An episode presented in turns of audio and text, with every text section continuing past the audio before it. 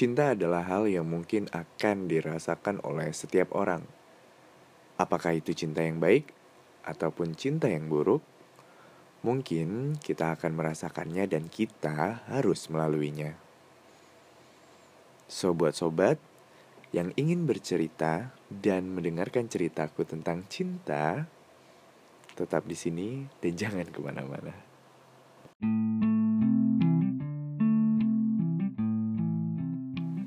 Hai sobat, apa kabarmu hari ini? Semoga harimu menyenangkan dan selalu menyenangkan.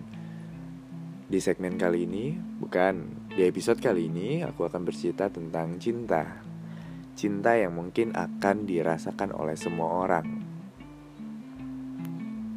Bagiku, cinta adalah hal yang wajar untuk dirasakan oleh semua orang. Apakah itu cinta yang baik ataupun cinta yang buruk, adalah hal yang memang harus kita rasakan memang harus kita lalui dan kita harus sabar menghadapinya. Ada banyak orang di luar sana yang merasakan cinta yang untuk pertama kali mungkin adalah cinta yang baik. Cinta yang baik adalah cinta yang membuat kita merasa bahagia, cinta yang membuat kita merasa spesial, cinta yang membuat kita merasa menjadi orang yang paling berharga. Ketika kita merasakan cinta yang baik, tentu tubuh kita akan memberikan efek yang sangat positif. Melakukan sesuatu dengan bersemangat, selalu mengingat hal-hal penting yang berdampak baik terhadap mood kita hari itu. Walaupun dalam cinta yang baik, tentu juga kita akan merasakan hal-hal yang mungkin tidak sebaik apa yang kita harapkan. Hal seperti itu adalah hal yang biasa karena dalam percintaan, dalam suatu hubungan, tentu ada kalanya di mana kita merasa tidak baik, di mana kita merasa tidak nyaman atau merasa seperti tersakiti. Namun pada dasarnya hal tersebut adalah hal yang semu yang kita rasakan dan sebenarnya bukan seperti itu seharusnya. Tergantung dari bagaimana sudut pandang kita menilai apa yang kita rasakan. Setiap orang memiliki cinta, cerita, dan juga suka yang berbeda. Tentu dengan standarisasi yang kita rasakan, dengan pengalaman yang kita sudah lalui, kita akan memberikan efek terhadap hal-hal yang terjadi di diri kita dengan sangat berbeda. Sebagai contoh, jika kita sudah pernah atau memiliki pengalaman sebelumnya terhadap suatu masalah, tentu sebagai orang yang bijaksana kita akan mengerti bagaimana cara menyelesaikan atau menghadapi masalah tersebut. Dalam percintaan, sangat-sangat-sangat tidak mungkin bagi hubungan yang kita jalani untuk tidak mengalami yang namanya permasalahan. Namun, hal tersebut bukanlah hal yang sebenarnya menjadi uh, permasalahan yang harusnya menjadi hal yang mempengaruhi baik buruknya hubungan kita. Permasalahan itu adalah bumbu di mana kita harus lebih dewasa, kita harus lebih bijaksana dan juga harus lebih mengerti bagaimana seharusnya kita untuk bertindak. Dalam percintaan yang baik, Kedua sisi pasangan adalah orang yang ber berkeinginan untuk menjaga hubungan agar tetap berjalan, berkeinginan untuk mendapatkan hubungan yang selalu berjalan dengan baik. Dalam baik bukan berarti tidak ada masalah. Ketika dalam percintaan yang baik, ketika kita mendapatkan masalah, sebagai contoh, permasalahan perbedaan pendapat Tentu satu sisi harus mengerti bagaimana cara berpikir pasangannya dan satu sisi harus mengerti bagaimana cara pasangannya menilai.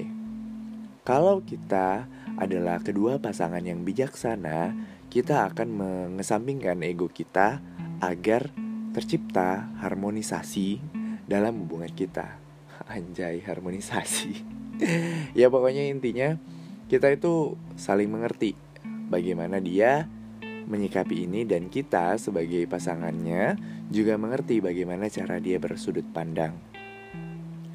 Kalau dia salah dalam menilai, kita tentunya harus memberikan arahan di mana arahan itu bukan menggurui atau menyalahkan dengan dengan kasar. Kamu salah nih. Kita kasih tahu. Sebenarnya begini-begini seharusnya seperti ini. Namun jangan memperkeruh dengan berargumen dengan nada tinggi, berargumen dengan kamu salah, aku benar. Bukan seperti itu. Ketika kita mengetahui bahwa dia salah, kita tunjukkan yang benar, lalu kita buat dia sadar bahwa dia akan adalah melakukan kesalahan, bahwa dia melakukan kesalahan dan jangan berego tinggi untuk selalu mengatakan bahwa Anda adalah benar. Ubah sudut pandang Anda, bagaimana cara Anda menilai pasangan Anda dan juga bagaimana pasangan Anda bisa tahu cara ber sudut pandang Anda. Itu adalah salah satu contoh dari percintaan yang baik. Mungkin terdengarnya mudah, namun aku rasa ini memang mudah karena sikap orang terhadap pasangan itu adalah habit. Kalau biasa kita sebut dengan tabiat. Merubah tabiat seseorang itu tidak tidaklah semudah membalikkan telur ceplok. Merubah tabiat orang itu berkemungkinan hanya 10% dari perbandingan 100%. Karena tabiat itu adalah karakteristik yang dimiliki oleh seseorang yang men, mm, yang mendalam di dalam dirinya yang berada di otak bawah sadar dia, dia merasa melakukan hal yang benar. Namun sebenarnya hal yang dia lakukan adalah bukanlah hal yang 100% benar. Nah, di bagian sisi-sisi ini nih sudah masuk ke dalam cinta yang tidak baik atau cinta yang buruk. Karena memiliki sifat egoisme yang tinggi. Pasangan dengan sifat egoisme yang tinggi itu adalah pasangan yang sulit untuk kita bisa berargumentasi, sulit bagi kita untuk bisa memiliki opini satu sama lain ataupun berdiskusi karena dia bersudut pandang bahwa dirinya adalah yang paling benar dan dirinya adalah superior. Oleh sebab itu kita sebagai pasangan dia akan sulit untuk memberitahu bahwa dia melakukan kesalahan, akan sulit untuk memberitahu bahwa dia seharusnya seperti apa. Tidak semua pasangan diciptakan tidak semua pasangan diciptakan. Sorry batuk. Tidak semua pasangan memiliki pasangan yang ideal. Ideal dalam arti kita mengharapkan pasangan yang seperti ini namun ternyata jodohnya yang seperti ini. Itu adalah hal yang di luar kuasa kita karena jodoh itu sudah ada yang mengatur Tuhan yang Maha Esa yang mengatur dengan siapa kita berjodoh. Namun sebelum kita melakukan kejenjang yang lebih serius seperti kepernikahan, kita tentu sudah harus tahu bagaimana sebenarnya tabiat dari pasangan kita. Kalau misalnya kita bisa, masih bisa dalam tanda kutip masih bisa menerima kekurangan dari pasangan kita melebihi dari kelebihannya, maka akan lebih baik bagi kita untuk mensegerakan melanjutkan hubungan ke jenjang yang lebih serius. Namun, jika kita merasa dengan tabiat dia, dengan sikap dia, membuat kita merasa tidak nyaman, membuat kita merasa selalu selalu sisi yang disakiti, membuat kita merasa selalu sisi yang tidak dianggap ada, akan lebih baik jika kita menghentikan hubungan dengan dia atau menyudahi apa yang sudah kita jalani dengan dia. Jangan pernah berargumentasi atau ber, berlindung dengan tameng kata terlalu sayang. Gini aku kasih contoh ya. Kalau misalnya kamu bilang kamu terlalu sayang dengan dia, usia berapa kamu bertemu dengan dia? Misal nih, aku bertemu dengan si si B adalah di usia 20 tahun. Kemudian aku jatuh cinta dengan dia usia 21 dan jatuh cinta secinta-cintanya sejak usia 21 sampai dengan usia 23 di mana aku merasa di usia 23 itu adalah adalah hal di mana aku merasa tidak dianggap, merasa tidak diacuhkan, atau merasa tidak dihargai olehnya. Berapa lama hal yang kamu rasakan ketika kamu bertemu dengan dia, merasakan cinta dengan dia, sampai akhirnya kamu merasa tidak dianggap, tidak dihargai, dan tidak diacuhkan oleh dia. Itu adalah satu tolak ukur di mana aku sebelum bertemu dia, apalagi aku waktu misalnya uh, usia 20 uh, eh, sebelum 20 aku sudah bertemu dengan si A dan aku sebelumnya sudah jatuh cinta dengan si A. Bandingkan. Dulu aku sudah bertemu dengan si A dengan jatuh cinta yang sefrekuensi ini. Sama dengan ketika aku jatuh cinta dengan si B dengan frekuensi seperti ini berapa lama yang aku habiskan waktu dengan si A dan berapa lama waktu yang aku habiskan dengan si B. Beri contoh, dan berapa lama jarak antara aku setelah be selesai berhubungan dengan si A, kemudian aku memulai hubungan dengan si B. Nah, dari jarak tersebut kita tahu seberapa lama rasa sayang itu bisa memudar. Dulu, sebelum bertemu dengan si B, Ketika aku masih jatuh cinta secinta-cintanya dengan si A, aku mengatakan aku tidak bisa melupakannya. Aku sangat menyayanginya because dia adalah satu-satunya di dalam hidupku. And then after a few years, kamu bertemu dengan si B setelah kamu end up dengan si A dan kamu merasakan hal yang serupa dengan si A. So, bagi aku, Alasan aku, Mas, aku sangat sayang dengan dia adalah hal yang a little bit bullshit. Aku tidak percaya hal yang aku sangat sayang dengan dia. I can live without you. No. Sebelum kamu ketemu dia, kamu sudah hidup. You cannot live without food, drinks, money. Itu fa family. That was the the reason why you cannot live.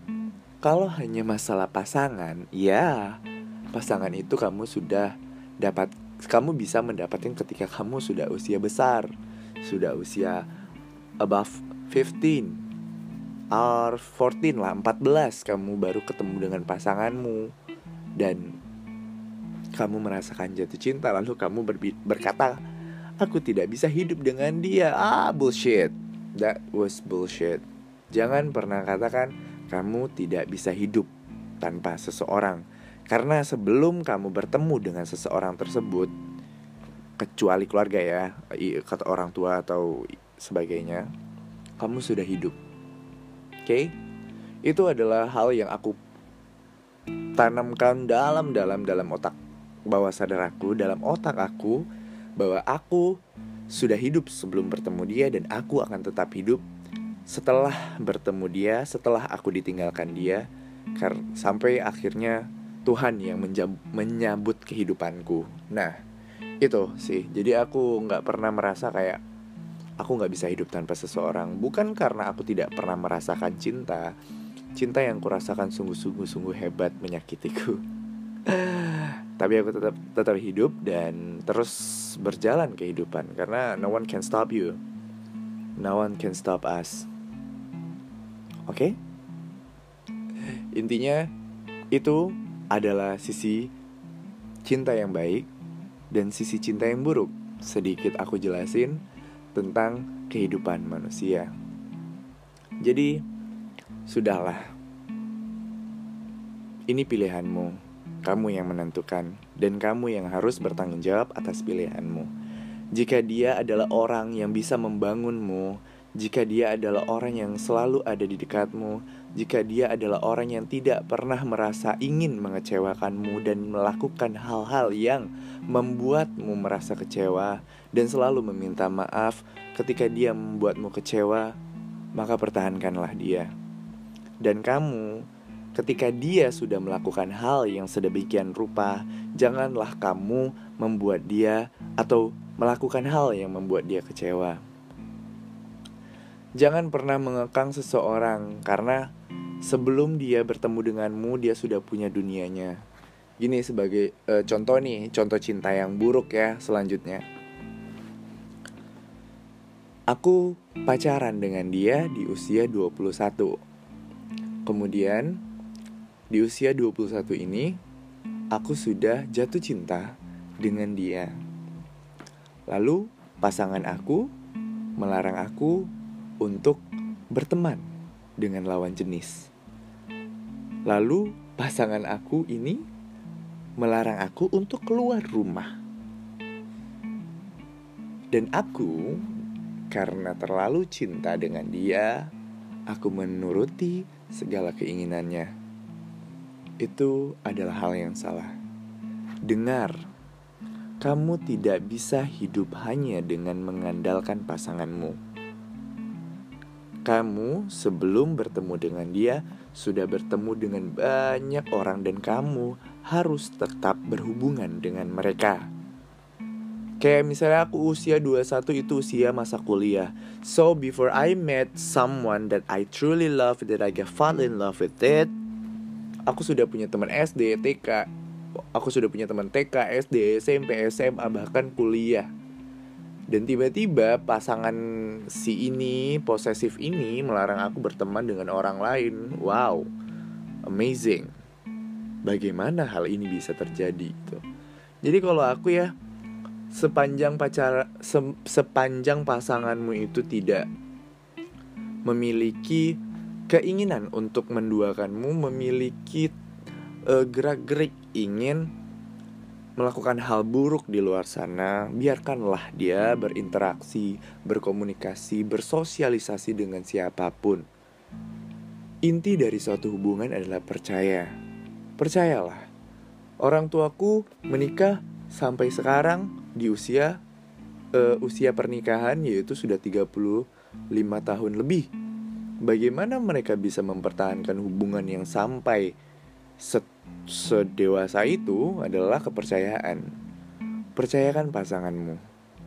Kalau kamu sendiri tidak percaya dengan pasanganmu, bagaimana pasanganmu bisa percaya dengan dirimu?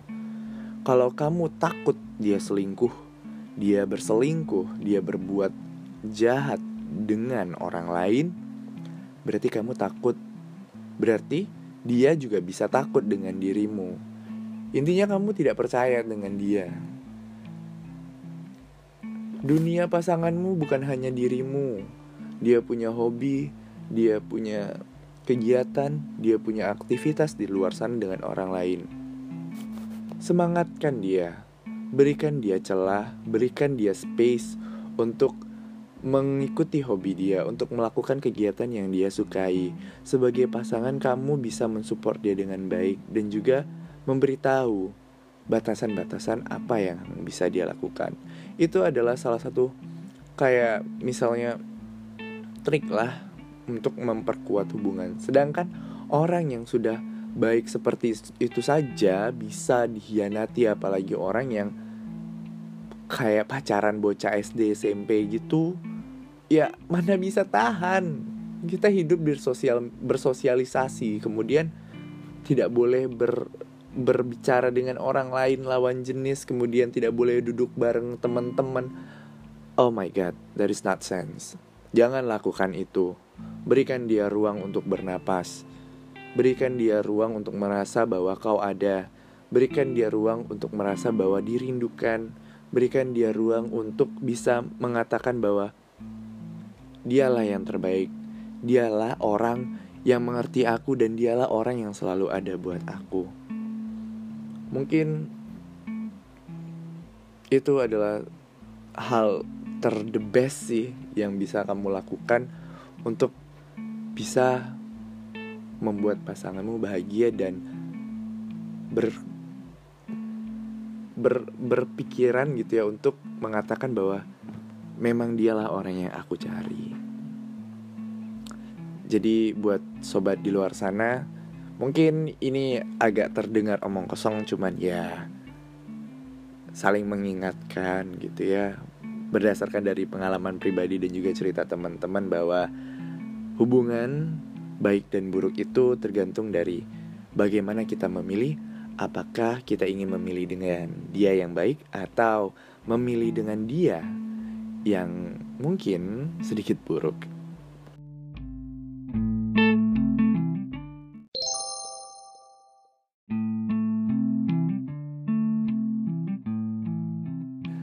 Nah itu tadi sobat sedikit cerita bacotan aku yang mungkin tidak berguna karena ya sekedar sharing pengalaman pribadi dan juga cerita-cerita dari beberapa teman aku yang aku sedikit kecewa karena mereka merasa hal-hal yang ya hidup itu bukan hanya tentang cintamu. Banyak pengalaman dan banyak cerita lain yang harus kita lakukan agar kita bisa berkembang dan juga ya merasakan kehidupan yang sesungguhnya lah. Kalau aku sih lebih fokus ke karir daripada ke percintaan karena bagi aku cinta itu akan mengalir dengan adanya karir yang baik gitu. Ya setelah kamu bisa mem membuktikan siapa dirimu maka cintamu akan datang menghampirimu. Asik.